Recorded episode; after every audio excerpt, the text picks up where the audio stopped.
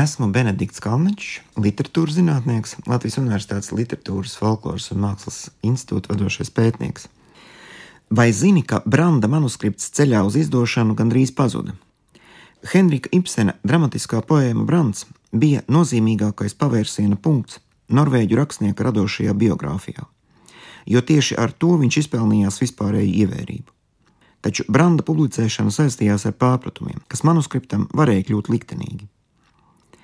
Dramatisko poēmu Brants Ibsens uzrakstīja pēc tam, kad 1864. gadā Norvēģijas parlaments Stūrtings bija viņam piešķīris gada stipendiju klasiskās kultūras studijām Itālijā. Ibsens apmetās Romā, kur dzīvodams visai pieticīgos apstākļos, centās iepazīties ar antīko un renesanses mākslu un rast vielu jaunam literāram darbam. Viņa iepriekšējā pieredze teātrī nebija īpaši laimīga, jo gadu pirms aizbraukšanas no dzimtenes bankrotēja viņa vadītais Kristiānijas, tagad Oslo, Norvēģu teātris. Tur glabātās Ibsena personiskās lietas vēlāk, pēc viņa aizbraukšanas, tika pārdotas Sūtrupē. Sieva Suzanna vēlāk atmiņās stāstīja, ka 1865. gada vasarā, kad Itālijas mazpilsētā Aričā tapa Brants, viņi dzīvoja ne tik vien nabadzīgi, bet gandrīz kā ubagi. Tāpēc Ibsenam ienākumi par jaunu darbu publikāciju bija izšķirīgi svarīgi. Brandas atcerēšana tomēr nesakmējās tā, kā gribētos. Ibsens sāka Brandu rakstīt kā episku poēmu, taču darbs nevirzījās uz priekšu. Par to, ka aizsāktais sižets tiks veidots dramaturgiskā formā, rakstnieks izšķīrās vairāk nekā gadu pēc ierašanās Romā.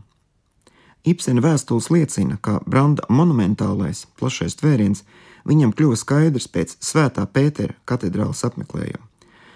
Vēstulēs viņš uzsvērs arī to, ka ar grūtībām spēja saskatīt antīkās mākslas saistību ar 19. gadsimtu. Savukārt Renesanses perioda Michelangelo darbi, arī Giovanni Lorenzo Bernini veidotā baroka laikmeta arhitektūra ir tāda, kurā viņš saskata mākslinieka uzdrīkstēšanos un pat neprātu, kāds bija nepieciešams arī branda radīšanā. Turklāt Ibsena vadīja personiskas dusmas un aizvainojums par to, ko viņš pa ceļam uz Itāliju bija piedzīvojis Berlīnē, kur tieši to brīdi tika skaļi svinēta uzvara Prūšu dāņu karā un demonstrētas dāņiem atņemtās trofejas. Citas Skandināvijas valstis izvairījās no iesaistīšanās šajā konfliktā un ieņēma nogaidošu nostāju, par ko Ibsens bija patiesi sašuts, un dusmas par šādu neizlēmību atspoguļojas arī Brandā. Savam laikabiedram Bjernstenam Jernsonam Ibsens rakstīja, ka Norvēģijas parlaments, kas bija viņam piešķīris stipendiju, diezin vai būs priecīgs par topošo lūgu. Tomēr uzsvēra, ka nav gatavs nekādiem kompromisiem. Tieši Bjernsons, viens no tiem, kurš jau iepriekš bija atbalstījis Ibsenu, 1865. gadā panāca vienošanos ar Kopenhāgenes izdevēju Frederiku Hēgeli par Ibsena jaunās lūgas izdošanu. Tomēr situācija veidojās sarežģīti. Mutiska vienošanās bija panākta par sacerējumu, kurā tiktu risināta ar antīko pasauli saistīta tēma. Tomēr rakstnieks izdevēju pārsteidza. Ibsens pavēstīja Hēgelim, ka viņa sacerējums, Brants, būs laikmetīga luga, kurā pa daļai satīriski atspoguļotu Norvēģu sabiedrību. Kad rakstnieks nosūtīja lugas manuskriptu, izdevēja atbildi ilgi kavējās, un Ibsens nesaprata, vai viņa darbs apgādā ir saņemts vai arī ir pazudis. Pēc kāda laika Hēgelis tomēr atbildēja un izteica priekšlikumu uz pusi samazināt sākotnēji iecerēto grāmatas metienu. Ibsens nosūtīja uz Kopenhāgenu vēstuli, kurā piedāvājumam piekrita, taču šī vēstule ceļā noklīda, un rakstnieks nesaņēma ziņas no izdevēja. Atkal bija neskaidrībā par tālāko. Pēc vairāku mēnešu ilgas kavēšanās Branda izdevums tika laists klajā 1866. gada martā. Notikuma tālāk attīstība pārspēja visas cerības. Līdz gada beigām, kā izdevējs ziņo Ibsenam, Lūga tika publicēta atkārtoti četros izdevumos.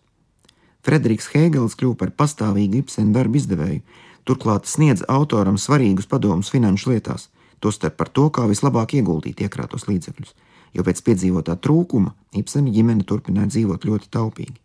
Tomēr rakstnieks uzreiz apzinājās, ka ar Branda panākumiem ir notikusi viņa literāra izlaušanās. Saņemtie honorāri ļauj viņam ar ģimeni apmesties uz dzīvi Itālijā un pievērsties tikai literāriem darbam. Turpmāk, regulāri sarakstot vienu lugu divos gados, Ibsens izpelnījās ar vien lielāku popularitāti un ar saviem darbiem spēja nodrošināt ģimenei stabilus ienākumus. Branda publikācija bija pavērsiena punkts arī rakstnieka tēla veidošanā. Ibsens mainīja ģērbšanās paradumus, turpmāk vienmēr cenšoties apģērbā ievērot vislielāko cienību, kas radīja pamatu vēlākajos gados plaši cirkulējošām anekdotēm par Ibsena pilsoniskajiem un pat konservatīvajiem uzskatiem.